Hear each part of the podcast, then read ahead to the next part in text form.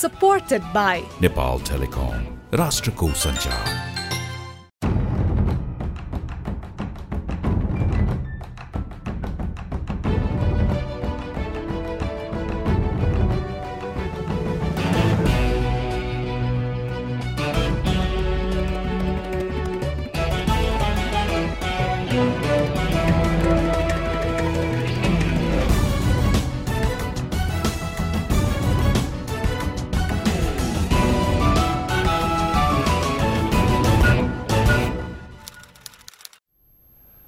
आदरणीय दर्शक तथा श्रोतावृन्द नमस्कार। कार्यक्रम टफ टकमा म दिलभूषण पाठक तपाईँ लगायत मेरा सबै सबै दर्शक तथा श्रोतालाई स्वागत गर्दछु।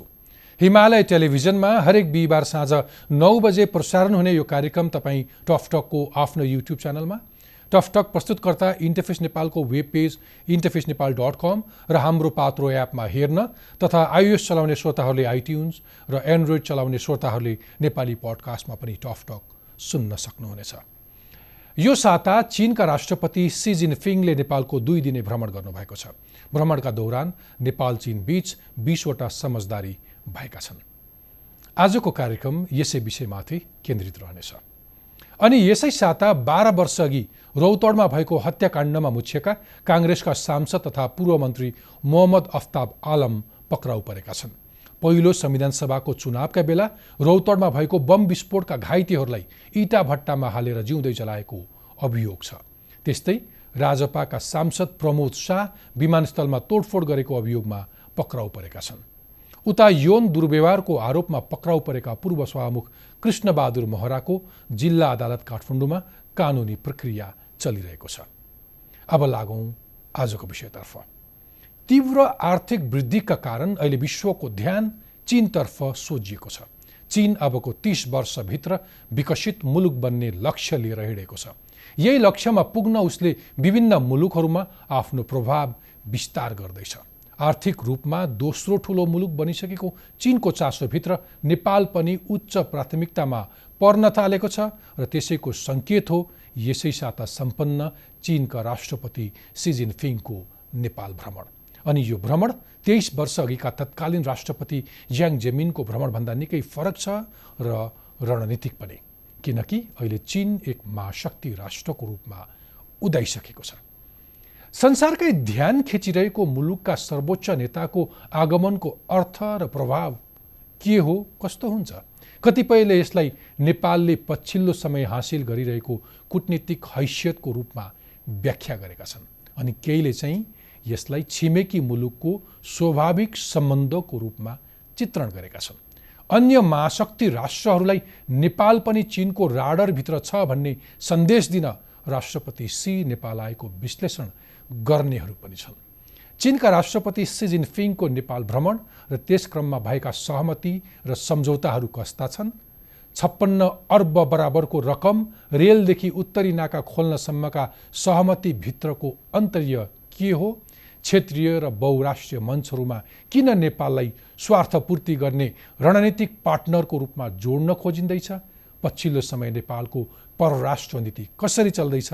यस्तै प्रश्नको जवाब खोज्न आज मसँग हुनुहुन्छ कुटनीतिक मामिलाका जानकार ज्ञानचन्द्र आचार्य।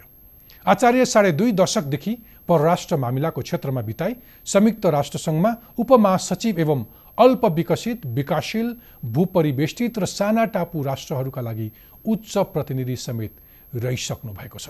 उहाँ संयुक्त राष्ट्रसङ्घको उपमहासचिव हुनुअघि संयुक्त राष्ट्रसङ्घका लागि नेपालको स्थायी प्रतिनिधि र परराष्ट्र सचिव समेत हुनुहुन्थ्यो। आउनुहोस् स्वागत गरौँ आजका मेरा अतिथि कुटनीतिक मामिलाका जानकार ज्ञानचन्द्र आचार्यलाई। ज्ञानचन्द्रजी टकटकमा स्वागत छ। धन्यवाद। आराम हुनुहुन्छ? बेसै छ सर। निकै लामो भयो नेपाल फर्कनु भएको। केमा व्यस्त हुनुहुन्छ आजकल? अहिले चाहिँ म युएनबाट फर्केर आइसकेपछि एउटा रिसर्च इन्स्टिच्युट छ। South Asia Watch and Trade and Environment भन्ने छ। त्यसमा एउटा सेन्टर फर सस्टेनेबल डेभलपमेन्ट छ। त्यसमा चेयर छु। त्यसपछि इसिमोड भन्ने यहाँलाई थाहा होला यहाँको पर्वतीय विकास केन्द्र। त्यसको पनि म एडभाइजर भएर काम गर्दैछु र अन्तर्राष्ट्रिय क्षेत्रमा मैले पहिला काम गरेका अधिक कम विकसित मुलुकका विषय यो भौगोलिक हिसाबले चाहिँ हामी ल्यान्ड लक्ड कन्ट्री भनेर जुन भन्छौँ भूपरिवेष्टित राष्ट्रका विषयहरूमा पनि म अन्तर्राष्ट्रिय क्षेत्रहरूमा सहभागी भएर पा पार्टिसिपेट गरिरहेकै छु। ओके अनुकूल मिल्यो भने कार्यक्रमको पुछारतिर अथवा पछि कुनै सन्दर्भमा तपाईँको रिसर्च रिसर्चका फाइन्डिङ्सहरूको बारेमा छलफल गर्छौँ। तर आज चाहिँ यो मूल विषयमा प्रवेश गरौँ त्यो भनेको यसै साता चिनका राष्ट्रपति सी जिनपिङको भ्रमण। यो भ्रमणको अर्थ के छ? तपाईँले कसरी लिनुहुन्छ?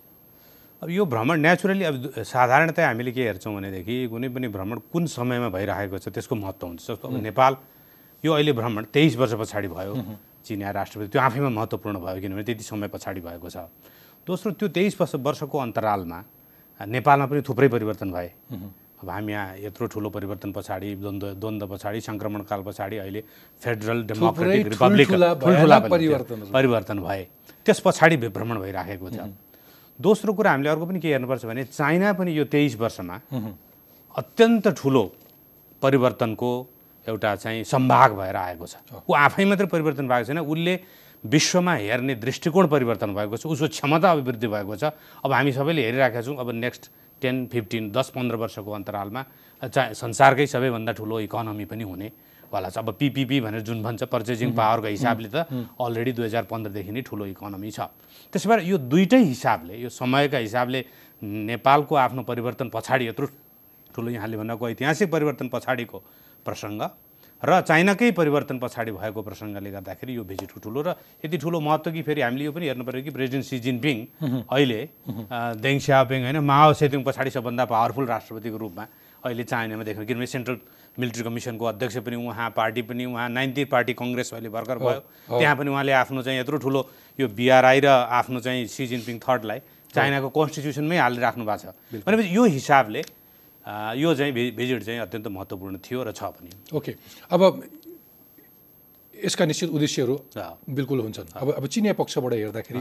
सामान्य म मेरो सोमा चाहिँ एकदम पब्लिक प्रश्नहरू गर्न मन लाग्छ। सर्वसाधारणले बुझ्ने, खालको।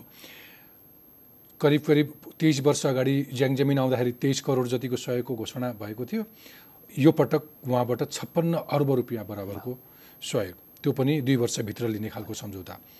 रेलको सम्भाव्यता अध्ययनदेखि लिएर हिमालय सीमा पारको कनेक्टिभिटीका सम्झौता समेत छन्। चिनले हामीलाई माया गरेको हो वा उसका केही भित्री स्वार्थहरू छन्? सर्वसाधारणले बुझ्ने भाषामा। अब त्यो दुइटै हो हेर्ने एउटा यथार्थमा के भन्नुपर्छ भनेदेखि कुनै पनि राष्ट्रहरू दुईवटा राष्ट्र बिचको सम्बन्ध भनेको हामीले एउटा धरातलमा हेर्दाखेरि यो आपसको हाम्रो सम्बन्ध जस्तै पनि हो। भनेपछि तपाईँले कसैलाई केही सहयोग गर्नुभयो भने त्यसको एक्सपेक्टेसन एउटा त तपाईँको सबैको राम्रो होस् भलो होस् भनेर पनि सहयोग गर्नुहुन्छ। अर्को अब आफ्नो पनि त केही स्वार्थ केही नभए पनि उसले तपाईँले सहयोग गर्नुभयो त्यसको लागि धन्यवाद भनिदियोस् भनेर पनि सहयोग गर्नुहुन्छ नि। हो बिल्कुल। तर त्यो एउटा पक्ष हो भने तर राष्ट्र राष्ट्रबिचको सम्बन्धको अरू ठुलो पक्ष पनि हुन्छ।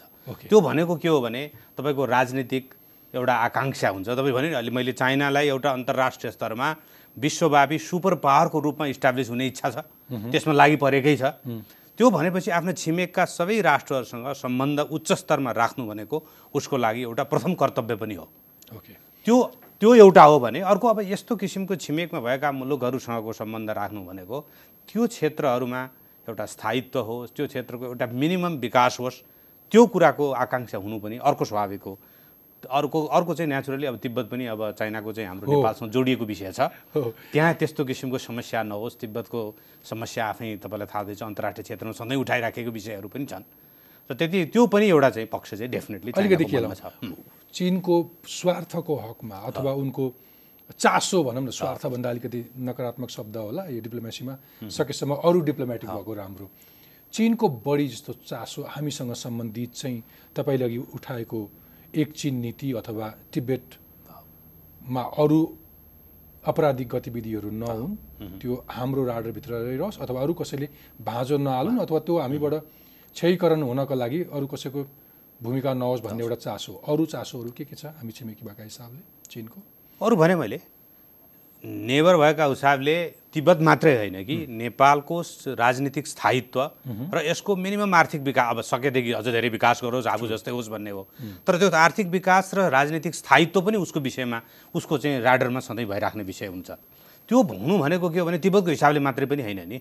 भोलि हामीले यहाँ ठुल्ठुलो उथलपुथल भइरह्यो भने ऊ यसबाट पर्न सक्ने प्रभाव एउटा त आफ्नै छिमेकीमा सधैँ भइराख्ने प्रभाव अहिले तपाईँले भने जस्तो विदेशीको चलखेलदेखि लिएर अब आफ्नो नै हाम्रो शान्ति स्थायित्व यो एरिया नै अत्यन्त महत्त्वपूर्ण संवेदनशील एरिया छ। फेरि त्यसमा अरू पाहाडहरू पनि छन् यो छिमेकमा। त्यसपछि अन्तर्राष्ट्रिय क्षेत्रमा पनि। चाइनासँग चाहिँ सम्बन्ध राख्ने र चाइनालाई विभिन्न हिसाबले हेर्ने अन्य अन्य पाहाडहरू पनि यहीँ छन्। त्यसले गर्दाखेरि सबै राष्ट्र मलाई मतलब एउटा चाहिँ द्विपक्षीय सम्बन्धको हाम्रै ऐतिहासिक सम्बन्ध पनि छ। होइन जनस्तरको सम्बन्धको कुरा गर्ने हो भनेदेखि सात आठ सय वर्ष अगाडिको हाम्रो सम्बन्धको पनि छ। र over the period of time भनौँ न विगत चाहिँ भनौँ न सत्तरी अस्सी वर्ष बिचमा हाम्रा सम्बन्धहरू पनि विकसित गरिरहेका छन्। त्यसको पनि एउटा आफ्नै भूमिका छ। त्यसो भएको हुनाले र भनौँ न चाइनाले अन्तर्राष्ट्रिय क्षेत्रमा हामीले यो पनि सम्झिनुपर्छ कि ताइवानबाट अन्तर्राष्ट्रिय क्षेत्रले मान्यता दिने क्रममा संयुक्त राष्ट्रको सदस्यता लिने क्रममा सेक्युरिटी काउन्सिलको चाहिँ स्थायी सदस्य हुने क्रममा हामी जस्तै सबै राष्ट्रले समर्थन गरेकै कारणले पनि त चाइनाले त्यो बेलामा एउटा अन्तर्राष्ट्रिय क्षेत्रमा आफ्नो चाहिँ एउटा मूल्य मान्यता स्थापित गर्नलाई सहयोग पनि गरेको हो। त्यस भएर हामीले त्यसलाई पनि हेर्नुपर्ने हुन्छ। मलाई लाग्छ यो सबै पृष्ठभूमिमा हामीले. सम्बन्धलाई विश्लेषण गर्नुपर्ने हुन्छ जस्तो लाग्छ। कुनै गाह्रोहरू पनि छ तिनको पक्षमा हामीप्रति सम्बन्धित विषय जस्तो योपालि राष्ट्रपति सीको भ्रमणलाई लिएर अन्तर्राष्ट्रिय मिडियाले अत्यन्तै धेरै कभरेज गरे। त्यो निकै ठुलो कभरेज थियो। त्यही यही सन्दर्भमा फेरि उहाँ नेपाल भएको बेलामा खबरदार चिनलाई टुक्राउने कोही कसैले कुनै प्रयत्न गर्यो भने त्यसलाई चाहिँ छोड्नेवाला छैन भन्ने हिसाबले अलिकति फेरि कुटनीतिक भाषामा तर राम्रो कडा चेतावनी थियो। तर यो भूमिमा यहीँ आएर दिनुको कुनै साङ्केतिक अर्थ छ? होइन त्यो त्यसलाई हामीले दुई तिनवटा पक्षबाट हेर्नुपर्छ। एउटा त तपाईँले भन्नुभयो जस्तै केही हदसम्म तिब्बतसँग पनि रिलेटेड भयो। किनभने उन त्यो वर्ड त्यहाँ युज गरिरहेको छ स्प्लिट गर्ने चाइना भने स्प्लिटिस्ट भनेर चाइनीले जहिले पनि टिबेटन जो लिडर्सहरू इन्क्लुडिङ दलाइ लामा थियो सबैलाई उहाँले स्प्लिटिस्टहरू भनेर भन्ने एउटा एउटा एउटा पर्टिकुलर थेगो छ। उहाँहरूले भन्ने जुन धेरै। टिबेटिनहरू गर्ने बाटो पनि। भयो। हामी कहाँ तिब्बतन होइन रेफ्युजीहरू पनि छन्। हाम्रो अब तिब्बतन सम्बन्धी इस्यु फेरि तिब्बतसँग जोडिएको। जोडिएको। नेपालको चाहिँ अब हाम्रो राष्ट्र पनि हो। त्यो हिसाबले त्यसलाई पनि तर त्योभन्दा ठुलो कुरा चाहिँ हामीले के बुझ्नुपर्छ भने त्यही समय जुन बेला सी जिनपिङ राष्ट्रपति यहाँ हुनुहुन्थ्यो। उहाँको भाइस प्रिमियर चाहिँ लिउ लिउ हे चाहिँ अमेरिकामा अमेरिकनहरूसँग युएस चाइनाको ट्रेडको विषयमा छलफल भइराख्नु भएको थियो र करिब करिब त्यही टाइममा कङ्ग्रेसमा अमेरिकन कङ्ग्रेसमा हङकङका बारेमा अहिले भर्खरै चाहिँ अहिले अहिले तल्लो सदनबाट पास भइसक्यो। त्यो बेलामा त्यो छलफलको विषय भइरहेको थियो। मलाई लाग्छ यो सबै विषयलाई हेरेर किनभने त्यो ठ्याक्क एग्रिमेन्ट भएको बेलामा र यो कङ्ग्रेसमा यो डिस्कसन भएको बेला भएको हुनाले मलाई लाग्छ यो सबैलाई लक्षित गरेर नै भनिएको हो। त्यो टाइमिङका हिसाबले र मैले अघि भने जस्तो र यहाँ आउँदा पनि त्यो मेसेज पनि कसैले यहाँ खेल्न नपाओस् भन्नलाई पनि भनिएको हुन्छ। दुइटै चाहिँ हिसाबले यो महत्त्वपूर्ण छ जस्तो लाग्छ। ओके। अब सी जिनपिङ आउँदाखेरि जसरी भारत भ्रमणपछि नेपाल हुँदै जानुभयो अथवा टु प्लस वान भनेर यो पटक जुन आयो नि त्यो टु प्लस वान अथवा चिन र भारतको साझेदारीमा नेपाली जोड्ने कुरा आयो नि यसको यसको व्याख्या गर्न सकिन्छ? अब यो चाहिँ कहाँ अहिले पटक मात्रै आएको होइन। पहिला वुहानमा पनि आएको थियो हेर्नुहोस् बाई द वे यो चाइना इन्डिया प्लस मेकानिजमको कुरा गरिराख्नु भएको छ उहाँहरूले। त त्यति स्पष्ट भइसकेको छैन। यसमा अलिकति स्पष्टता हुनुपर्ने आवश्यकता छ। जस्तो अहिले उहाँहरूले के गर्नुभएको छ अहिलेसम्मको भएको अवस्थामा मैले बुझेअनुसार चाहिँ भनेदेखि बाहिरबाट हामीले हेरेको अनुसार भने अफगानिस्तानमा सिक्योरिटी ट्रेनिङहरू भइराखेका छन्। चाइना इन्डिया दुवैले त्यो सेक्युरिटी ट्रेनिङलाई सहयोग गरिरहेको छ। किनभने टेररिजम चाहिँ उहाँहरूको कमन इन्ट्रेस्ट भयो। त्यसले गर्दाखेरि त्यहाँ चाहिँ उहाँले चाइना प्लस इन्डियाले सेक्युरिटीलाई ट्रेनिङ गर्ने सेक्युरिटीलाई चाहिँ क्यापासिटी इन्हान्समेन्ट गर्ने भन्छ क्षमता अभिवृद्धि गर्ने विषयमा उहाँहरूले त्यो चाइना प्लस इन्डियाको मोडललाई युज गर्नुभएको थियो। अब त्यसमा दुईवटा कुरा हेर्नुपर्छ। एउटा चाहिँ कुरा के भने अब कति हदसम्म अफगानिस्तान इन्भल्भ भएर भएको थियो त्यो मलाई थाहा भएन। यदि चाइना चिन र भारतले तेस्रो कन्ट्रीका बारेमा छलफल गर्ने मेकानिजम यदि बनाउँदै हुनुहुन्छ भने त्यसमा दुइटै हिसाबले हेर्नुपर्छ। त्यो सम्बन्धित कन्ट्री आफै इन्भल्भ भएर हुने हो भने त्यसको मोडालिटी अर्कै भयो। त्यो ट्राइल्याटरल टाइपको हुने भयो। त्यो ठिकै छ कुन हदसम्म। कतिपय विषयहरू ट्राइल्याटरल हिसाबले महत्त्वपूर्ण जस्तो भनौँ न नेपालले पनि यदि ट्रान्जिटको रूपमा हामी पारवाहनको रूपमा चाइना इन्डिया भारत सबैलाई लिएर जान सक्यौँ भने मलाई लाग्छ त्यो ठुलो चाहिँ उपलब्धि हुन सक्छ तर नेपाल चाहिँ नबस्ने त्यसमा तर दुईवटा राष्ट्रले आफूले छलफल गरेर तेर रा तेस्रो राष्ट्रको बारेमा निर्णय गर्ने कुरा यदि हुन आँट्यो भने त्यो चाहिँ खालको त्यो चाहिँ. त्यस्तो किसिमको चाहिँ यदि. त्यो मोडल हो भने. त्यो मोडल चाहिँ हाम्रो हितमा हुँदैन ओके लाभ छैन होइन लाभ छ तर स्पष्टता कस्तो हुन्छ त्यसको प्रक्रिया कन्डिसन चाहिँ। कन्डिसन अप्लाइज अँ। ओके ओके अब अर्को चाहिँ भ्रमणमा जुन जारी भयो संयुक्त वक्तव्य त्यसमा नेपालसँग चिन अब रणनीतिक साझेदार हुने कुरा जुन उल्लेख गरिएको छ नि तर त्यो त्यो कस्तो खालको रणनीतिक साझेदारी हो भन्ने कुरा खुलाइएको छैन। त्यसको अर्थ अरू कुनै जस्तो मानौँ कि नेपाल चिनसँग चाहिँ सैन्य रणनीतिक साझेदार खोजिरहेको हो त्यस्तो केही सम्भावनाहरू छ? त्यो अब त्यस्तो किसिमको त नेपालले अब आफ्नै हाम्रै संविधानले पनि दिँदैन हेर्नुहोस् त्यो किसिमको मिलिटरी अलायन्समा मेम्बर हुनलाई अथवा हाम्रो नन अलाइन्डको हिस्ट्रीले पनि दिँदैन र हाम्रो आफ्नै फन्डामेन्टल नेसनल इन्ट्रेस्टले पनि आइदर भारतको अथवा चिनको अथवा अमेरिका कसैको पनि त्यो किसिमको सैन्य रणनीतिभित्रै हामीभित्र बस्ने भन्ने किसिमको हाम्रो आफ्नो नेपालको आधारभूत वैदेशिक नीतिभित्र त्यो पर्दैन त्यो हाम्रो इन्ट्रेस्टमा पनि हुँदैन। ओके त्यसो भएर म चाहिँ यो स्ट्राटेजिकमा उहाँहरूले नै अलिकति अब जसले साइन गर्नुभएको छ उहाँहरूले अलिकति एक्सप्लेनेसन त गर्नुहोला।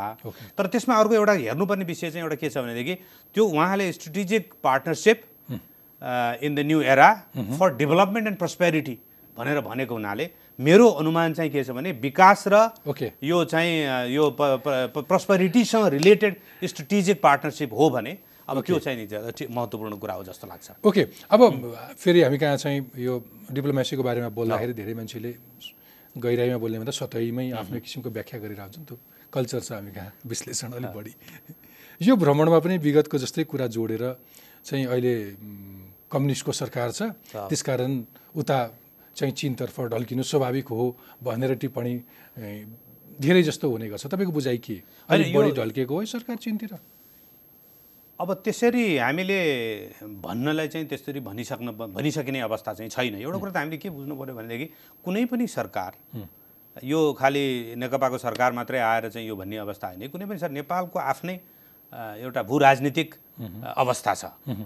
चाहे त्यो तपाईँ दक्षिणतिर ढल्किनेको कुरा होस् चाहे त्यो उत्तरतिर त्यो चाहिँ वास्तवमा भन्ने हो भने परराष्ट्र नीति साँच्ची नै हामीले सन्तुलित रूपमा अगाडि बढाउने हो भने दुवैतिर ढल्किने भन्ने प्रश्न नै चाहिँ यो चाहिँ आउने अवस्था दिनु हुँदैन र त्यो गर्नु पनि हुँदैन। अवस्था हेरिकन हरेक सरकारलाई समयअनुसार को कता ढल्कियो भनेर टिप्पणी भइरहन्छ। टिप्पणी भइरहन्छ तर त्यो चाहिँ त्यो हुनु हुँदैन। र त्यो चाहिँ भनेको के हो भने हामीले कहिले काहीँ कस्तो के झुकिन्छौँ यहाँ विभिन्न किसिमको शब्दहरू प्रयोग गरिन्छ।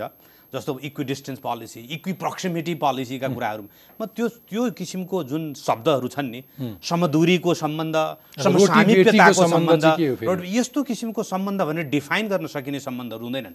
हरेक राष्ट्रको अर्को राष्ट्रसँगको सम्बन्ध आफ्नै किसिमका ऐतिहासिक हुन्छन् ऐतिहासिक धरातलमा उभिएका हुन्छन् भौतिक आवश्यकताको महत्त्वमा हुन्छ। सामान्य हुन्छन् तर फन्डामेन्टल कुरा के हो भने त्यो सन्तुलित हुनुपर्छ र स्ट्रेटेजिकली चाहिँ ब्यालेन्स हुनुपर्छ। स्ट्रेटेजिकली ब्यालेन्स भने के हो भने तपाईँले भने जस्तो एक राष्ट्रतिर ढल्किएर अर्को राष्ट्रलाई घाटा हुने खालको गरिदिनु भएन एक राष्ट्रतिर ढल्केर अर्को राष्ट्रतिरबाट यो फाइदा लिउँला अथवा उसलाई युज गरेर अर्कोलाई प्रयोग गर्नु भन्ने यो किसिमको हुँदै चाहिँ अथवा। सत्तामा पुग्नका लागि अथवा सत्तामा बस्नेहरूले आफ्नो अनुकूलताका लागि प्रयोग त्यस्तो। मुलुकको हितका लागि प्रयोग गर्नु र। फेरि हामीले अलिअलि हेरौँ न अरू राष्ट्रहरूको अनुभव पनि त हेरौँ न यो के सबै राष्ट्रहरूले आफ्नो विचारधारा भएका राष्ट्रसँग मात्रै सम्बन्ध राखेर कोही बसेको छ ओके चाइनाको हेर्नुहोस् इन्डियाको हेर्नुहोस्। ओके। मलाई लाग्छ त्योभन्दा माथि यो परराष्ट्र नीति हो। त्योभन्दा परराष्ट्र नीतिमा चाहिँ हामीले दुइटैलाई चाहिँ सन्तुलित र संयमित भएर र स्ट्रेटेजिक ब्यालेन्स चाहिँ हुनुपर्छ। इक्विलिब्रियम चाहिँ त्यो हुनुपर्छ। तर त्यसलाई त्यसलाई आधार मानेर आफ्नो राजनीति सञ्चालन गर्ने भन्ने किसिमको चाहिँ अवस्था रहनु हुँदैन ओके। अब पछिल्लो समय हेर्ने हो भने हामी विशेष गरी तिनवटा ठुला मुलुकहरूको अमेरिका चीन र इन्डियाको राडरमा परेको देखिन्छ नेपाल। यी मुलुकहरूले नेपाललाई एकअर्का विरुद्ध खेल्ने ठाउँ बनाउँदैछन् अथवा हामीले यसबाट आवश्यक फाइदा धेरै लिन सक्छौँ? यो एउटा हामीले हामी जस्तो भनौँ न सानो त नभनौँ तर रिलेटिभली सानो भन्छ नि। सापेक्षिक रूपमा सानो त हो नि हामी। हामी सानो किन होइनौँ भने अब हामी अब होइन जनसङ्ख्याको दृष्टिकोणले हामी पचासौँ ठुलो मुलुक हो संसारको। एकदेखि पचाससम्म। तर आर्थिक दृष्टिले हामी एक सय तिस चालिसतिर छौँ। त्यो हिसाबले हामी अब कुन हिसाबले हेर्ने भन्ने कुरा। तर हामी तिन करोड करिब करिब भनौँ न अब दुई करोड अस्सी लाख पचासी लाख पुगेको जनसङ्ख्या भनेको सानो जनसङ्ख्यामा हामी मान्दैनौँ। सानो भनेको दस लाखभन्दा साना कन्ट्रीलाई सानो भन्ने गरेका छौँ सामान्यतया एउटा भनौँ न। तपाईँ त त्यस्ता टापुहरूको थिएँ- त्यसो भएर सानो चाहिँ हामी डेफिनेटली होइनौँ। त्यसो भएर अब तर त्यति हुँदा हुँदै पनि हाम्रो सापेक्षिक एउटा सानोपना त छ। दुईवटा ठुल्ठुला महाकाय र भीमका चाहिँ भएका चाहिँ शरीर इकोनोमी सबै पपुलेसनका हिसाबले। त्यसो भएर हामीले चाहिँ डेफिनेटली सानसाना भने मतलब यस्तो किसिमको सीमित क्षमता भएका मुलुकहरूको एउटा समस्या के हुन्छ भने अन्तर्राष्ट्रिय क्षेत्रमा तपाईँलाई सुनवाई नै भएन तपाईँको लागि सो- सोधी खोजी नै भएन भन्ने पनि ठुलो छ। हामी बाहिरबाट बसेर पनि नेपाल हेरिरहेको छौँ। नि हामी नेपाललाई हामी संसारको केन्द्रबिन्दु त हामी यहाँ बसेर त ठान्छौँ। तर बाहिर पनि त्यत्तिकै ठान्छ र त्यो त ठान्दैनौँ हामी त्यसबाट हामीलाई थाहा भइहालेको छ नि होइन? हामीले आफ्नै आफ्ना इस्युजहरू बाहिर लाँदाखेरि कतिको हामीले चाहिँ। अप्ठ्यारो अवस्था पुरा गर्छौँ कति ठुलो क्याम्पेन गर्नुपर्छ कुनै ठाउँमा गर्नुपर्छ। काहीँ कुनै ठाउँमा परिचयको रूपमा पासपोर्ट दिँदाखेरि त्यसो भएर त्यो हाम्रो यथार्थ हो। त्यसो भएर हामीले के बुझ्नुपर्छ भने यदि ठुला राष्ट्रहरूले हामीप्रति हेरेका छन् भने त्यसमा त्यस त्यो हामीले त्यसलाई फाइदाको रूपमा लिन सक्ने पर्छ नत्र भने तपाईँ आफैले एफोर्ड गरेर उतातिर जानुपर्ने होला। एउटा एउटा अथा यथार्थ चाहिँ त्यो पनि हो। अर्को यथार्थ हामीले के पनि बुझ्नु पऱ्यो भनेदेखि हामी अझै पनि भर्खरै अत्यन्त यु नो कम विकसित मुलुकको राष्ट्रको रूपमा छौँ। हाम्रो इकोनोमिक सिचुएसन एकदम लिमिटेड छ। अवसर विशाल हुँदा हुँदै पनि हामी अहिले पनि हेर्नुहोस् हाम्रो इकोनोमी यति सानो छ। हाम्रो पर क्यापिटा इन्कम हेर्नुहोस् जिडिपी हेर्नुहोस् हाम्रो ट्रेडको स्ट्रक्चर साह्रै सानो छौँ। साध्यै चाहिँ हाम्रो चाहिँ सीमित हाम्रा चाहिँ हाम्रा चाहिँ त्यस भएर त्यो हाम्रो आकाङ्क्षा हामी समृद्ध बन्ने हामी सुखी बन्ने र हामी त्योभन्दा पनि ठुलो कुरा हामी चाहिँ आफ्नो विकसा विकासित विकसशील राष्ट्रमा पुग्ने जुन हाम्रा लक्ष्यहरू छन् त्यो सबैको सहयोग बिना सम्भव छैन। अहिले पनि हेर्नुहोस् न हामी इन्भेस्टमेन्टको कुरा गर्नुहोस्। बाहिरबाट आउने इन्फ्रास्ट्रक्चरको डेभलपमेन्टको कुरा गर्नुहोस् हामी वेस्टर्न कन्ट्रिजमा पैसा लिइराखेका छौँ। इन्डियासँग हामी भारतीय सहयोगमा हामीले सडकहरू बनाइरहेका छौँ। हामी हाइड्रो इलेक्ट्रिक प्रोजेक्ट चाइनासँगको सहयोगमा हामी सबै किसिमका कामहरू विकासका पूर्वाधारका कामहरू गरिराखेका छौँ। भने यो यथार्थ भएको हुनाले हामीले सबै राष्ट्रहरूसँग मिलेर जानुपर्ने त बाध्यतै हो। तर त्यो हुँदा हुँदै पनि यदि सबै राष्ट्रले हेरेका हाम्रेतिर हेरेका छन् भनेदेखि त्यो च्यालेन्जलाई त्यो चुनौतीलाई कसरी अवसरमा लानुपर्छ। भन्ने चाहिँ हाम्रो चाहिँ अहिले चाहिँ मकसद हुनुपर्छ। र तिनटैलाई ब्यालेन्स तपाईँले भने एकदम सही कुरा हो। अहिले साँच्चै नै भन्यो भने ट्रायङ्गुलर कन्टेस्ट एकदम नेपालमा तिन किसिमको त्रिकोणात्मक एउटा चाहिँ नेपालमा पनि आइरहेको। बढेको छ। त्यो ओभरअल एसिया पेसिफिक रिजनमा बढेको छ। अहिले हामी सबै थाहा पाएको कुरा हो नि। भारत र अमेरिकाको द्वन्द्व इन्डो पेसिफिक स्ट्राटेजीदेखि लिएर चाइनाको बिआरआईदेखि लिएर इन्डियाको नेबरहुड फर्स्ट पोलिसी क्वाडका सबै जुन यहाँ विशाल यो किसिमको चाहिँ छलफल र विभिन्न राष्ट्रहरूको बिचको रिब्यालेन्सिङ भनेर जुन भन्छौँ नि सन्तुलनलाई लिएर ठुलो छलफल भइराखेको अहिलेको अवस्था छ। त्यो अवस्थामा नेपाल पनि एउटा किनभने हामी पनि यस्तो अवस्थामा छौँ जियो स्ट्रेटेजिकली भू राजनीतिक अवस्था हाम्रो यस्तो छ कि हामी इन्डिया र चाइनाको ठुलो बिचमा पनि छौँ तर हामीले विदेशीहरूसँग पनि सम्बन्ध उत्तिकै राम्रो राखेका छौँ। त्यसो भएर सबैको इन्ट्रेस्ट बढेको छ त्यो यथार्थ हो। तर त्यो इन्ट्रेस्टलाई नेपालको long term national interest promotion गर्ने अर्थात् भनौँ न हामीले दीर्घकालीन राष्ट्रिय हितलाई प्रवर्धन गर्ने गरी प्रयोग गर्नुपर्छ जस्तो लाग्छ हामीले सेन्स गरेको छौँ जस्तो होइन त्यो भारतीय प्रधानमन्त्री मोदी पटक पटक नेपाल आइरहनु भएको छ। है। चिनिया राष्ट्रपति सी जिनपिङ आएर जानुभयो। अमेरिकी विदेश मन्त्रीको अब लगत्तै आउने तयारी छ भनेपछि त तपाईँले अघि भने जस्तै यो ट्रायङ्गुलर इन्ट्रेस्ट त चरम अब त त्यो त हामीले इग्नोरै गर्न सक्दैनौँ। प्रश्न के हो भने आम सिभिल सोसाइटीको अथवा आम नागरिकको चाहिँ मेरो नेतृत्व अथवा मेरो सरकार उसको अरू आनी बानी उसको परिपक्वता उसले अरू परराष्ट्र मामिलामा उसको हिस्ट्री पनि हेर्छ नि त होइन? ट्र्याक रेकर्ड पनि हेर्छ। त्यो हिसाबले चाहिँ हामी कहाँ छौँ? Are we in the right track अब त्यसमा केही हदसम्म अब जानकारी भएको छ जस्तो त लाग्छ तर मलाई जति हुनुपर्ने हो त्यति भइराखेको छैन। भने मतलब के भने हामीले कुनै पनि विषय अथवा कुनै पनि हामीरा हाम्रा कदमहरू चल्दाखेरि त्यसको अरूसँग पर्ने सक्ने प्रभावहरू के हुन सक्छन् भन्ने बारेमा पनि हामीले प्रभाव हेर्नु पर्यो। जस्तो भनौँ न अब अहिले बिआरआईको कुरा गऱ्यौँ भनेदेखि इन्डो पेसिफिक स्ट्राटेजीलाई पनि हेर्नु पर्ला। बिल्कुल। इन्डियासँगको कुरा गर्दाखेरि हामीले बिआरआईको पनि के हुन्छ भने हेर्नु पर्ला। त्यो किसिमको एउटा डिपर स्टडी जुन छ नि एउटा भन्छ नि गहन अध्ययन विश्लेषण गर्ने हाम्रो त्यस्तो किसिमको परम्परा नभएको चाहिँ हामीले अनुभव गरेका छौँ। तर बाहिर सबैले अब बिस्तारै बुझ्न थालेको छन् त्यो चाहिँ मैले देखेको छु। तर यति बुझाइले पुग्दैन भन्ने हाम्रो त्यसबाट हामी बाहिर बसेर पनि भनिराखेका छौँ जो जो हामी बाहिर छौँ कि सरकारले मात्रै गरेर सम्भव छैन। किनभने यसमा डिपर स्टडी एकाडेमिक क्षेत्र जस्तो इकोनोमिक इस्युमा सिक्योरिटीको क्षेत्रमा त्यसपछि गएर तपाईँको चाहिँ अरू सम्बन्धका पोलिटिकल सम्बन्धका विषयलाई यो अत्यन्त भनौँ न हाई लेभल अफ इक्विलिब्रियम भनेर भन्छौँ कि हामीले। स्ट्रेटेजिक ब्यालेन्सको हाई लेभल अफ इक्विलिब्रियम हामीले पुग्नु खोज्या हो भने त्यो उत्तिकै प्रतिस्पर्धात्मक पनि छ उत्तिकै च्यालेन्जिङ चुनौतीपूर्ण पनि छ तर गर्न सक्ने हो भने उत्तिकै अवसरपूर्ण पनि छ। तर त्यो अवस्था चाहिँ हामीले अब त्यो multi stakeholder approach multi stakeholder engagement चाहिँ गर्न अझ बाँकी छ जस्तो लाग्छ मलाई। एक्ज्याक्टली जस्तो अब मेरो दर्शकलाई चाहिँ बुझ्ने गरी भन्दाखेरि तपाईँले पनि भनिहाल्नुभयो। अमेरिकाले इन्डो पेसिफिक रणनीति भनेको छ चिनको बिआरआई छ। अब छिमेकी मुलक भारतले एकदमै धेरै जोड दिन खोजिरहेको बिमस्टेक जस्तो मञ्च पनि छ। भन्छ यी सबै रणनीतिभित्र नेपाल पर्दै गएपछि त यसले त नेपाललाई कहाँ पुर्याउँछ हामी त्यसको लागि प्रिपेयर छैनौँ। होइन अब दुई तिनवटा कुरा हेर्नुपर्छ यसमा। एउटा रणनीतिक कुरा र सेक्युरिटीको कुरामा हामी एकदमै चनाखो हुनु पऱ्यो किनभने नेपालको आफ्नै विशिष्ट अवस्थाको कारणले। तर कुन हदसम्म आर्थिक राजनीतिक र हाम्रा आफ्नै इन्ट्रेस्टहरू हामीले प्रमोट गर्न सक्छौँ। त्यसलाई फाइदा पनि त लिन सक्नु पऱ्यो नि। त्यस भएर यहाँ दुइटै एकैचोटि तपाईँले खालि चुनौतीलाई छोडेर अवसरलाई मात्रै हेर्नुभयो भने पनि तपाईँको हेराइ ठिक नहुन सक्ला। किनभने मान्छेले यसै त कसैले आएर खालि तपाईँको अवसरलाई मात्रै तपाईँलाई दिउँ भन्ने त उसले खोज्दैन। त्यस भएर एउटा ब्यालेन्स चाहिँ खोज्नु पऱ्यो जसले गर्दा हामी उनीहरूको कम्पिटिटिभ पोलिटिक्समा नघुसौँ उनीहरूको प्रतिस्पर्धात्मक आफूलाई हामीलाई अप्ठ्यारो पार्ने चाहिँ रण राजनीतिमा त छिर्नु भएन नै।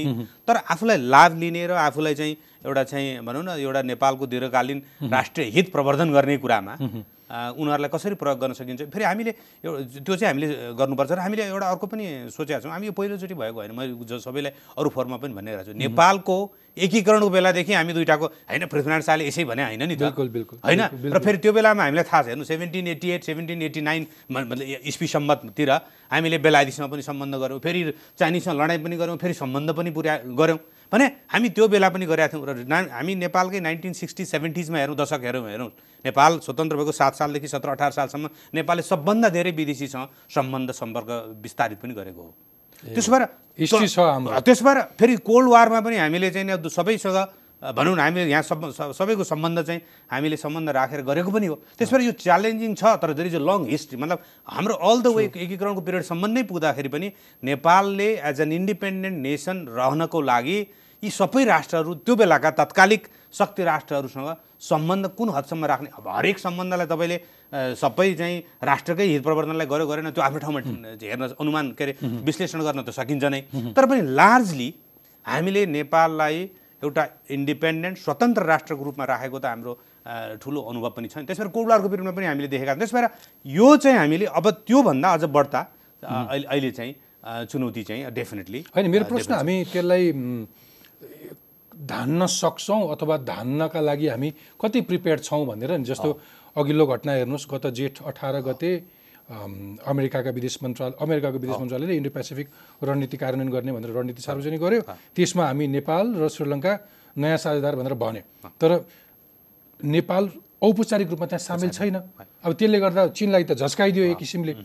अब हामीले त धान्न सक्ने विषय हो। होइन यस्तो छ दुई तिनवटा कुरा त हामीले अब हामीले इन्डो पेसिफिकमा उनीहरूले बारम्बार अमेरिकी राजदूतहरूले पनि एक्सप्लेनेसन गरिराख्नु भएको छ यहाँ हरेक इभेन्टमा। इन्डो पेसिफिक भने कुनै हाम्रो प्याक्ट होइन कुनै एग्रिमेन्ट गर्न जाने होइन। यो हाम्रो आफ्नो पोलिसी हो। त्यसो भएर यसमा भने मतलब तपाईँले समग्रमा ओके हामीले के हेर्नु पर्ने समग्रमा इन्डो पेसिफिक पेसिफिक बोलेको उसको डिफेन्सको अथवा गएर उसको स्ट्राटेजी टुवर्ड्स चाइना हामीले सो- मान्नुपर्छ भन्ने त छैन नि। त्यस भएर डायलग चाहिँ हुन पर्यो र कुन हदसम्म हामीले त्यसबाट प्र जस्तो उसले अरू भनेका कुराहरू छन् नि जस्तो नेपालको इन्डिपेन्डेन्ट नेपालको प्रस्पेरिटी स्ट्रङ भयो नेपालको इन्डिपेन्डेन्स स्ट्रङ भयो सोभरेन्टी स्ट्रङ भयो अथवा सबै यहाँ चाहिँ इन्टरनेसनल भ्याल्युज र इन्टरनेसनल नर्म्सका आधारमा सम्बन्धहरू स्थापित हुनेछन् र गराउन मद्दत गर्छु भनेर भन्छ भने त्यो त हामीले हाम्रो चाहिँ राम्रै हामीलाई चाहिँ। त्यसो भएर मलाई एउटा भन्नुहोस्। तपाईँ आफै अमेरिकामा युएनको प्रतिनिधि भएर बस्नुभयो त्यहीँ होइन? आफै लामो काम गरेको अनुभव छ। त्यसै भनिदिनुहोस् इन्डो पेसिफिक रणनीतिमा नेपाल जोडिँदाखेरि हामीलाई हुने फाइदा अथवा बेफाइदाहरू के छन्? होइन इन्डो पेसिफिक रणनीति एज ए होलमा हामी जोडिने भन्ने त कुरै आउँदैन। त्यो चाहिँ त एउटा उनीहरूको पोलिसी हो। मैले भने नि। त्यसमा त्यसमा एक्टिभ हुने नहुने भन्ने होइन। तर इन्डो प्यालिसी? प्रोग्रामहरू स्पेसल्ली इकोनोमिक डेभलपमेन्टको गर्ने कुरामा त्यसपछि गएर रिजनल कोअपरेसन बढाउने कुरामा त्यसपछि गएर तपाईँको अन्तर्राष्ट्रिय मूल्य मान्यताहरू इन्डो पेसिफिक क्षेत्रमा पनि प्रयोग हुनुपर्छ भन्ने विषयमा त्यसमा तपाईँले हामीले अथवा अरू कसैले नेपाल राष्ट्रले सहयोग गर्न अथवा अमेरिकासँग कोलाबोरेट गर्न अमेरिकासँग चाहिँ सहकार्य गर्न हुँदैन भन्ने कुरा त भएन। तर जहाँसम्म सेक्युरिटीको कुरा छ उसको आफ्नै सैन्य साझेदारीको कुरा पनि होइन त्यो सैन्य साझेदारी दुई किसिमका हुन्छन् हेर्नु। एउटा चाहिँ सैन्य अलायन्स गर्ने कुरामा हामीले सहभागी हुनु भएन। सैन्य साझेदारी भने के हो? खालि सैन्य सामग्री नै किन्नु नहुने भयो भने तपाईँ कहाँ आफ्नो आफू सैन्य सामग्री पनि बनाउनुहुन्न? अब कहाँबाट किने कहीँबाट त ल्याउनुपर्छ। अझ नेपाल जस्तो राष्ट्रले एउटै राष्ट्रको चाहे त्यो इन्डिया होस् चाहे त्यो चाइना होस् अथवा चाहे त्यो वेस्टर्न मात्र एउटै राष्ट्रसँग त्यो सैन्य सामग्रीमै डिपेन्डेन्ट पनि त गर्नु हुँदैन नि तपाईँहरूको भूपरिवेष्टित राष्ट्र र सम राष्ट्र सम सानो राष्ट्रको एउटा छैन त्यसो भएर होइन होइन मैले त्यसो भएर एउटा सैन्य अलायन्स पनि उसले खोज्या हुन्छ। तपाईँले इन्डो पेसिफिक पोलिसी पोलिसी हेर्नुभयो भने त्यसमा चार किसिमको रिलेसनसिप देखाएको छ हेर्नुहोस्। एउटा उनीहरूको ट्रिटी अलायन्स भएको राष्ट्रहरू जस्तो जापान जस्तो कोरिया जस्तो अस्ट्रेलिया जस्तो फिलिपिन्स जस्तो थाइल्यान्ड। दोस्रो इन्डियालाई पनि कल गरिरहेको छ नि त्यहाँ हेर्नुहोस् न। स्ट्रेटेजिक पार्टनरसिप भएको इन्डिया आसियानलाई पनि उसले कोलाबोरेसन गर्ने भनेर भनेको छ। अनि तेस्रो चाहिँ अहिले मैले भने जस्तो पार्टनरसिप बढाउँदै लैजाने भन्नेमा नेपाल श्रीलङ्का बङ्गलादेश पनि भनेको छ। त्यस भएर त्यो उनीहरूले भनेको पोलिसीको डिफ्रेन्ट ग्रेडेसन अथवा डिफ्रेन्ट त्यसको चाहिँ डिफ्रेन्ट कम्बिनेसन त त्यहाँ छ नि त। ओके। त्यसो भएर हामीले मलाई लाग्छ त्यसलाई अध्ययन गरेर कुन हदसम्म हामीले इन्डो पेसिफिकका कुराहरू पोलिसीका कुराहरूमा हाम्रो र अमेरिका बिचको सहकार्य हुनसक्छ को सहकार्य गर्ने हो? जुन कुरामा हुन सक्दैन मैले भने जस्तो स्ट्रेटेजिक अलायन्स गर्ने कुरा हो भने I think that is something that you have to really think about त्यसमा विचार गर्नुपर्छ ओके अब मेरो प्रश्न अब अब हामी हाम्रो आफ्नो विदेश सम्बन्ध कस्तो छ हामी कति म्याचोड छौँ त्यसमा आउँ मैले यो प्रश्न उठाउन खोजेको चाहिँ के भने कति हकमा चाहिँ बिआरआईमा इन्भल्भ हुँदै गर्दाखेरि अमेरिका रिसा जस्तै इन्डो पेसिफिकमा इन्भल्भ हुँदा चिनियालाई चि चिसो पसे जस्तै अथवा सार्क अहिले सुसुप्त छ बिमस्टेकमा इन्डियाको पछि लाग्नुपर्ने एउटा अवस्था छ अब कति कुटनीतिक मर्यादाभित्र बसेर प्रयोग गर्न जाने जानिन शब्द मैले होइन? तर यसो हेऱ्यो भने हाम्रो आफ्नो स्वार्थ के हो भन्दा पनि अरूको स्वार्थका लागि अरूको अङ्ग बनेर हिँडे जस्तो पो देखिन्छ जस्तो लाग्छ कति केसमा। मैले तपाईँलाई सोध्न खोजेको प्रश्न चाहिँ पछिल्लो समय एक किसिमको कुटनीतिक दौडामा छौँ जस्तो लाग्छ नेपाल। प्रधानमन्त्री केपी शर्मा ओली धेरै पटक धेरै देशहरूको भ्रमण गर्नुभयो धेरै इन्टरनेसनल फोरम्सहरूमा जानुभयो। अहिले राष्ट्रपतिजी म्यानमारमा हुनुहुन्छ होइन? यसो हेर्दाखेरि चाहिँ हाम्रो कुटनीतिक सम्बन्धको विस्तारमा अलिकति नेपालको स्तर अलिकति माथि उठ्दैछ उठिरहेको अवस्था हो। कसरी हेर्नुहुन्छ एउटा एउटा एउटा विज्ञका हिसाबले एउटा अब डिप्लोमेटिक एक्टिभिजम जुन भन्छौँ नि हामी। कुटनीति क्षेत्रमा अलिकति एक्टिभ पोलिसी अहिले देखिएको छ त्यसमा कुनै शङ्का भएन। त्यसमा चाहिँ कारण के पनि हो भनेदेखि हामी लास्ट दसदेखि बिस वर्षको बिचमा दस वर्ष लडाइँ गऱ्यौँ दस वर्ष सङ्क्रमण कालमा थियौँ त्यसबाट हामी आफैमा यो आफैमा चाहिँ आफ्नै विषयहरू थियो। थियौँ घरभित्रै भ्याइ थियो तपाईँ आफैमा रुमल लिइरहेका थियौँ। र हामी बारम्बार भन्थ्यौँ सबभन्दा धेरै गयौँ भने हामी छिमेकीसम्म जान्थ्यौँ। यसले गर्दा हाम्रो डिप्लोमेटिक जुन एउटा अप्सन्स हो नि डिप्लोमेटिक अप्सन्स हुन्छ कि डिप्लोमेसीमा जति नेपाल जस्तो राष्ट्रले हामीले एउटा हामीले के बुझ्नु पऱ्यो भने हामीलाई दुई किसिमको च्यालेन्ज छ। एउटा च्यालेन्ज चाहिँ तपाईँ आफै नेसनल भित्रमा विषयमा मात्र तपाईँ धेरै रुमलिनु हुँदैन। तपाईँले छिमेकी ठुल्ठुला राष्ट्र भएको हुनाले छिमेकीसँग रिलेसनसिप राम्रो राख्नुपर्छ। त्यो सबैले भनिराखेकै विषय। तर त्योभन्दा पनि ठुलो कुरा के हो भने दुईवटा छिमेकीसँग मात्रै तपाईँले सम्बन्ध राखेर पनि पुग्दैन। नेपाल जस्तो राष्ट्र जसको चाहिँ हाम्रो अघि भने जस्तो सीमित क्षमता छ त्यसले दुईवटा भन्दा बाहिर नत्र भने तपाईँलाई रिजनल तपाईँको आइडेन्टिटी नै रिजनल आइडेन्टिटीमा मात्रै तपाईँलाई चाहिँ इन्क्याप्सुलेट गर्छ कि त्यसै भित्र मात्रै राखिदिन्छ।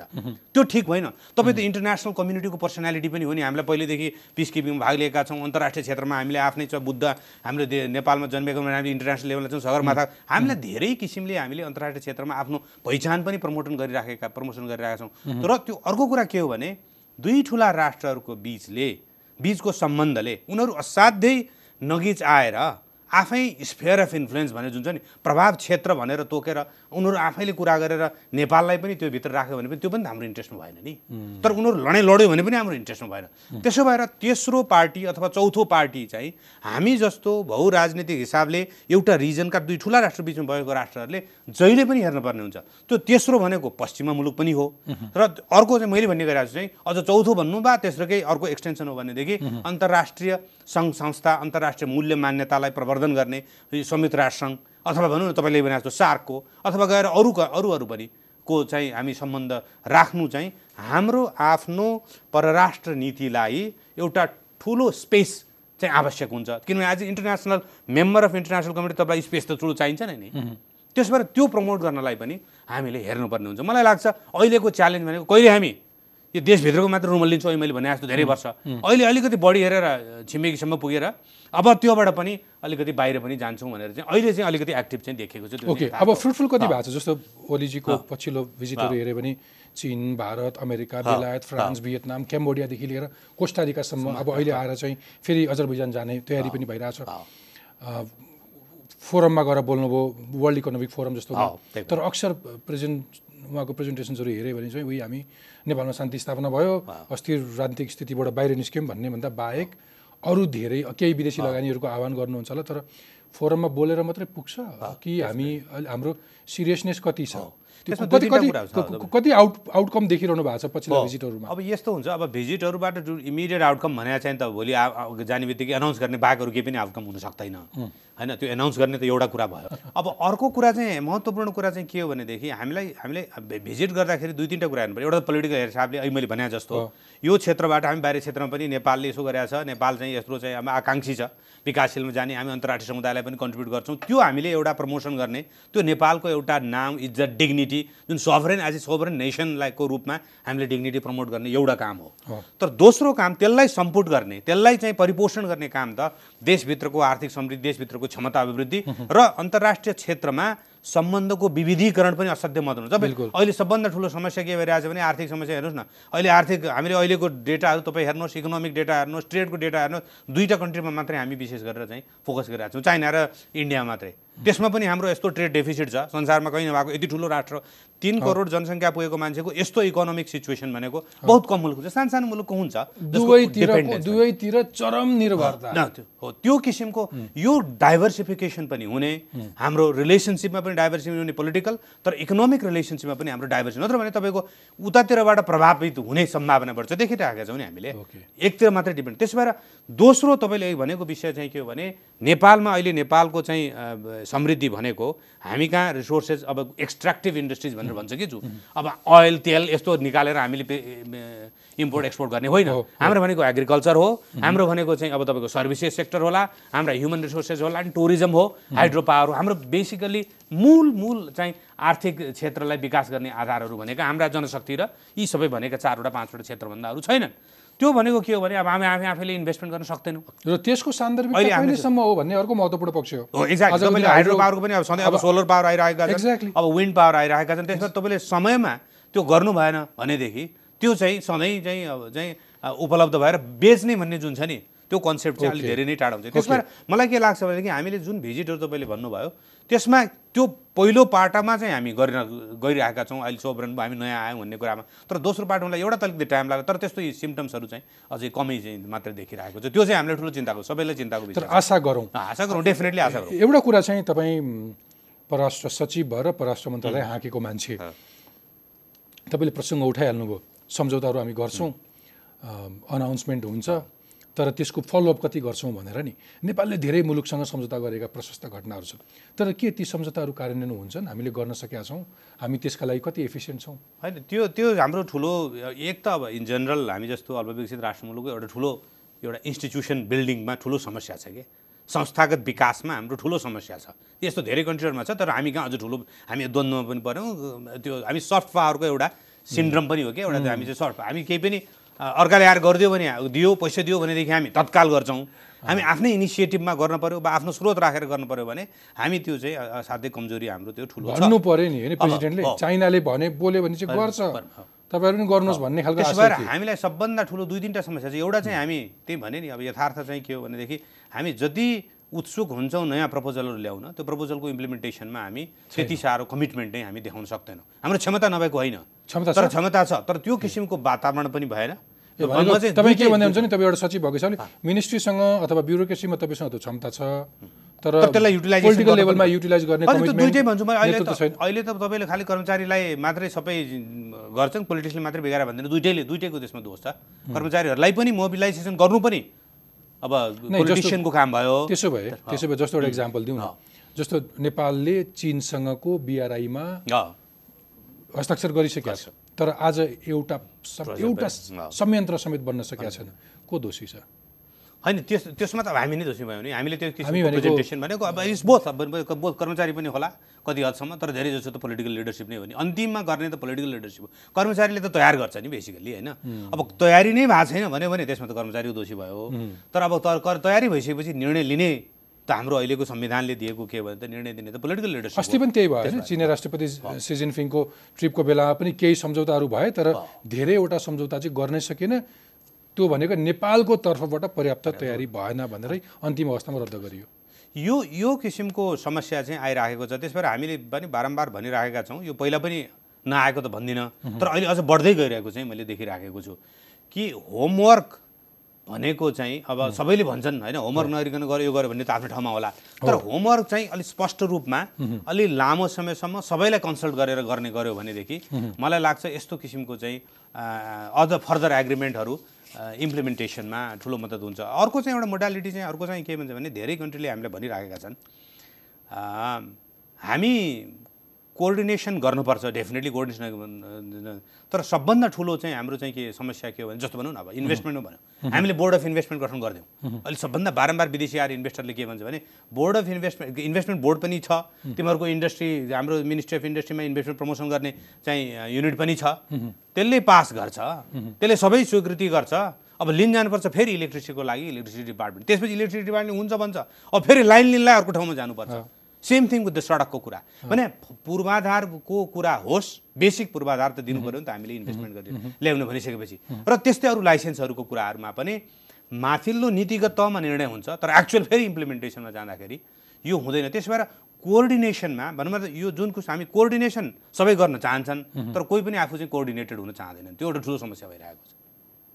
त्यसो भए त सबैभन्दा पहिले त आफ्नो संयन्त्रमा केही सुधार गर्नु ठुलो ठुलो छ त यसपालि मुखै खोल्नु भयो नि होइन। प्रेसिडेन्टले। तर उहाँहरूले उहाँहरूले उहाँले डिप्लोमेटिक तपाईँले भने जस्तो डिप्लोमेटिक भाषामा भन्नुभयो चाइना हामीले विकसित गरेको भनेकै हामीले जे भनेका छौँ त्यो टाइममा गरेर सक्छौँ। त्यस भएर मलाई लाग्छ तपाईँहरूले पनि यो जे प्रमिस गर्नुभएको छ जे कार्यक्रमहरू ल्याउनु भएको छ त्यो समयमै सक्नुहोस्। त्यसले मात्रै देश विकास गर्न अगाडि बढ्छ। उहाँले प्रश्न भन्नु भलै केही केही चिनिया परियोजनाहरूको हालत हामीले त्यो। पनि आफ्नो ठाउँमा छ। बाई द वे त्यो चाहिँ आफ्नो ठाउँमा. छ। सबै चिनिया प्रोजेक्टहरू एकै किसिमले चलेको पनि छैनन्। त्यसमा अलिकति पनि समस्या अरू रिफ्लेक्ट गरौँ न सचिवज्यू। तपाईँ परराष्ट्र मन्त्रालयको सचिव भइ पनि भइसक्नु भएकोले त्यहाँका केही कमजोरीहरू। हाम्रो परराष्ट्र नीति सञ्चालनमा चाहिँ कहाँ कहाँ कस्ता कस्ता कमजोरीहरू छन्? अथवा हामी अलिकति एन्डतिर पुग्यौँ अलिकति पोजिटिभ नोटमा अलिकति रिफर्मको केही कुराहरू हेर्न खोजौँ। के के सम्भावना के के सुधारहरू देख्नुहुन्छ? होइन एउटा चाहिँ कुरा चाहिँ के छ भने अब लिडरसिप नै सबभन्दा ठुलो कुरा हो। लिडरसिप क्ल्यारिटी हुनु पऱ्यो। लिडरसिपले के गर्नु पऱ्यो? लिडरसिपले के क्ल्यारिटी हुनु पऱ्यो भने एउटा ठुल्ठुला जुन विषयहरू छन् त्यसमा मलाई लाग्छ परराष्ट्र मन्त्रालय आफैले पनि सबै क्षमता छ- हुन सक्दैन। किनभने धेरै टेक्निकल कुराहरू पनि होलान् इकोनोमिक विषयका टेक्निकल कुराहरू होलान् सेक्युरिटीका स्पेसलिस्ट कुराहरू होलान्। पोलिटिकल कुरामा परराष्ट्र मन्त्रालयलाई ठुलै चाहिँ आफ्नो अनुभव छ डिप्लोमेटिक कुरामा। त्यस भएर त्यो सबै क्षेत्रलाई समेटेर एउटा महत्त्वपूर्ण हाम्रा महत्त्वपूर्ण राष्ट्रहरूका बिचको सम्बन्ध स्पेसल्ली अहिले भने जस्तो चाइना भारत त्यसपछि गएर अमेरिका र वेस्टर्न वर्ल्ड त्यसपछि गएर अन्तर्राष्ट्रिय समुदायको का महत्त्वपूर्ण पक्षहरूमा उहाँहरूले लिडरसिप चाहिँ के क्लियर हुनु पऱ्यो भने खालि ओभरअल हिसाबले हामीले सम्बन्ध सन्तुलित राख्नुपर्छ नेपालको प्रमोसन गर्नुपर्छ राष्ट्रिय हित भनेर त्यो त आवश्यक छ। क्लियरली। पर्यो। ल क्लियरली डिफाइन स्ट्राटेजी यो एरियामा यसरी हामी अगाडि बढ्छौँ यसमा यसरी सम्बन्ध हुनसक्छ। यस्ता यस्ता यो यो कुराहरू गर्दाखेरि यस्ता चुनौती हुन सक्छन् भन्ने बारेमा अति अत्यन्त गहन विश्लेषण र तपाईँको चाहिँ अनुसन्धान हुनु पर्यो त्यो एउटा महत्त्वपूर्ण कुरो विषय छ। परराष्ट्र मन्त्रालय मद्दत गर्न सक्छ डिप्लोमेटिक हिसाबले एउटा चाहिँ डिप्लोमेटिक पोलिटिकल हिस्ट्रीको हिसाबले त्यहाँ गरिरहन्छ अर्को कुरा के देखिराखेको छ भने हामीले सम्बन्धलाई भनौँ न अब जस्तो भा कुनै पनि राष्ट्रको सम्बन्धलाई हेर्दाखेरि त्यसको तेस्रो पक्षसँग पर्ने सम्बन्धको बारेमा विश्लेषण गर्ने एउटा जुन परिपाटी छ नि त्यसबारेमा पनि अलिकति चाहिँ प्रष्ट हुनु पर्यो। जस्तो चाइनासँग कुरा गऱ्यौँ भने त्यसको इम्प्लिकेसन्सहरू अरू कन्ट्रीहरूसँग पनि Okay. भरे त्यो हामी भन्दैनौँ तर मनमा त हामीले राख्नु पऱ्यो किनभने सम्बन्धहरू इन्डिपेन्डेन्ट हुन्। तर यथार्थमा चाहिँ के हो भने हरेक सम्बन्ध अर्कोसँग पनि जोडिएर गाँसिएर आएको हुन्छ। हरेक कुरा राम्रो नराम्रो सबै कुराहरू। तेस्रो कुरा चाहिँ हामीले के देखिरहेका छौँ भनेदेखि अलिकति परराष्ट्रका केही महत्त्वपूर्ण कुराहरूमा multi stakeholder public engagement पनि अलिकति हुनु पऱ्यो कतिपय कुरा गरिराखेका होला। त्यो कुराहरू अनि फोर्थ चाहिँ कुरा के देख्यो भने परराष्ट्रको लिडरसिप भनौँ न अहिले भनौँ बिसवटा एग्रिमेन्ट गऱ्यौँ तर कति हदसम्म कोअर्डिनेसन मेकानिजम परराष्ट्रले चाहिँ किनभने जिम्मेवारी त परराष्ट्रको हुन्छ नि त। कति हदसम्म तपाईँले चाहिँ अरू मन्त्रालयहरूले पनि परराष्ट्र मन्त्रालयलाई त्यो कोअर्डिनेटेड जुन पुस गर्ने एटेम्प्ट गरिरह गरे हुन्छ त्यसमा सहयोग गर्छन्। परराष्ट्रले पनि आफै इनिसिएटिभ लिएर सबै मन्त्रालयहरूसँग कति यो हदसम्म यो कार्यान्वयन भइरहेको छ कि छैन त्यसमा बाधा अड्कन्छ केही छ भने उसले आफैले पनि एक्टिभ भएर चाहिँ यसलाई अगाडि बढाउनु पर्ने हुन्छ। मलाई लाग्छ यो भयो भनेदेखि अब अहिलेको वातावरणमा तपाईँले अब स्टेबिलिटी छैन अथवा भोलि के फेरि यसलाई भन्ने छैन। अहिले। अहिले हामीले विकास गर्न सकेनौँ अहिले हामीले आफ्नो नेपालको नेसनल इन्ट्रेस्ट अथवा राष्ट्रिय स्वार्थलाई अभिवृद्धि गर्न सकेनौँ भनेदेखि त्यसको चाहिँ जिम्मेवारी सबभन्दा ठुलो जिम्मेवारी हामी आफैमा पर्छ। ओके समय सिद्धियो तर अलिकति मैले सेन्स गरेँ तपाईँले अघि यो सबै कुरा चाहिँ अलिकति ब्रड लेभलमा डिबेट डिस्कसन हुनु पऱ्यो मल्टी स्टेक होल्डर्सहरूसँगको इन्गेजमेन्ट पनि चाहियो भन्नुभयो। तपाईँले सुरुमा भन्नुभयो त म त्यहीँबाट प्रश्न अब सक्छु समय सिद्धियो। रिसर्चहरू गर्छु भन्नुभयो कस्तो खालको रिसर्च गर्नुहुन्छ? यो काहीँ काहीँ जोड्न मिल्छ? अन्तर्राष्ट्रिय क्षेत्रमा अहिले सबभन्दा ठुलो एजेन्डा भनेको एसडिजी सस्टेनेबल डेभलपमेन्ट दिगो विकास लक्ष्य छ। त्यसमा सबै विषयहरू छ त्यसमा सामाजिक विषय छ आर्थिक विषय छ इन्भाइरोमेन्टल विषय पनि छ। र त्यो हामी जस्तो राष्ट्रहरूको लागि त्यसलाई माध्यम बनाएर दिगो विकास लक्ष्य हामीले पनि हाम्रो भनेर हाम्रो डकुमेन्टमा पनि लेख्यौँ। र नेपाल जस्तो राष्ट्र जसको चाहिँ एउटा आर्थिक र एउटा प्राकृतिक स्रोतको जुन संरक्षण गरेर त्यसलाई लिएर जानुपर्ने अवस्था छ नि हाम्रो जस्तो भनौँ न। हाम्रो पाहाडहरू छन् सबभन्दा धेरै चाहिँ ल्यान्डस्लाइड त्यहीँ हुन्छ भूचलन त्यहीँ भइराखेको छ। हाम्रो सबै अहिले लिएर माइग्रेसन त्यहीँ भइरहेको छ। हाम्रो सबभन्दा धेरै गरिबी छ मल्टिडाइमेन्सनल गरिबी छ। भनौँ न स्वास्थ्य शिक्षा एक्सेस टु जस्टिस यी सबै गरिबीहरू छ। तर यो सबै हुँदाहुँदै पनि हाम्रो सबभन्दा ठुलो अर्को प्रभाव चाहिँ के हाम्रो चाहिँ महत्त्वपूर्ण त्यसको पक्ष चाहिँ के छ भने ग्लोबल कोअपरेसन हरेक पाटामा हाम्रो ग्लोबल कोअपरेसनले हामी यहाँसम्म आइसकेका छौँ। त्यो माथि त्यस भएर मैले चाहिँ हाम्रो हाम्रो अहिले भएको अनुसन्धानले चाहिँ ग्लोबल कोअपरेसन फर हाम्रो चाहिँ यो सस्टेनेबल डेभलपमेन्ट अफ नेपाल के हुनसक्छ भन्ने एउटा कुरा अर्को कुरा चाहिँ अहिले अब अहिले भने मैले इन्भाइरोमेन्टल इस्यु चाहिँ अहिले सबभन्दा ठुलो इस्यु ग्लोबल क्षेत्रमा भएको छ। नेपालकै पनि हाम्रो चाहिँ ठुल्ठुला एफेयर्सको एक्सपर्ट भएकोले फरेन पोलिसीसँग सम्बन्ध नेचुरली फरेन पोलिसीमा पनि हामीले गरिरहेका छौँ। दुई चारवटा हामीले इन्टरा इन्टरेक्सन्सहरू जस्तै अहिले यो भिजिटकै कुराहरूमा पनि हामीले छलफल गरिरहेका छौँ। पहिला पनि भए अगाडि हुनुभन्दा अगाडिको पनि कन्सल्टेसन्सहरूमा पनि हामीले भिजिट गर्छौँ र मन्त्रीहरूलाई पनि मन्त्रीज्यू प्रधानमन्त्रीज्यूहरूलाई पनि हामीले चाहिँ हामीलाई लागेको कुरा अनुभवका आधारमा भनेको कुरा हामीले भनिराखेका छौँ। अस्ति भर्खर प्रधान के अरे परराष्ट्र मन्त्रीले पनि एउटा परराष्ट्र सम्बन्धी एउटा सबैलाई राखेर एउटा एक दिनको छलफल पनि गर्नुभयो। हामीले भने के छ भने एक दिनको छलफल त ठिक भयो तर अलिकति इनडेप्थ एनालिटिकल त्यो हामीसँग मात्रै होइन फेरि बाई द वे मैले अघि भने जस्तो विभिन्न सेक्टरमा विभिन्न विशेषज्ञहरू हुनुहुन्छ। उहाँसँग पनि गर्दै गर्नुभयो भने म मलाई लाग्छ नेपालको चाहिँ अब आउने केही वर्षहरूमा हामीले अझ राम्रो चाहिँ हाम्रो राष्ट्रिय भनौँ भने बृहत्तर राष्ट्रिय स्वास्थ्य अभिवृद्धि गर्नलाई हामी चाहिँ सक्षम हुन्छौँ जस्तो लाग्छ।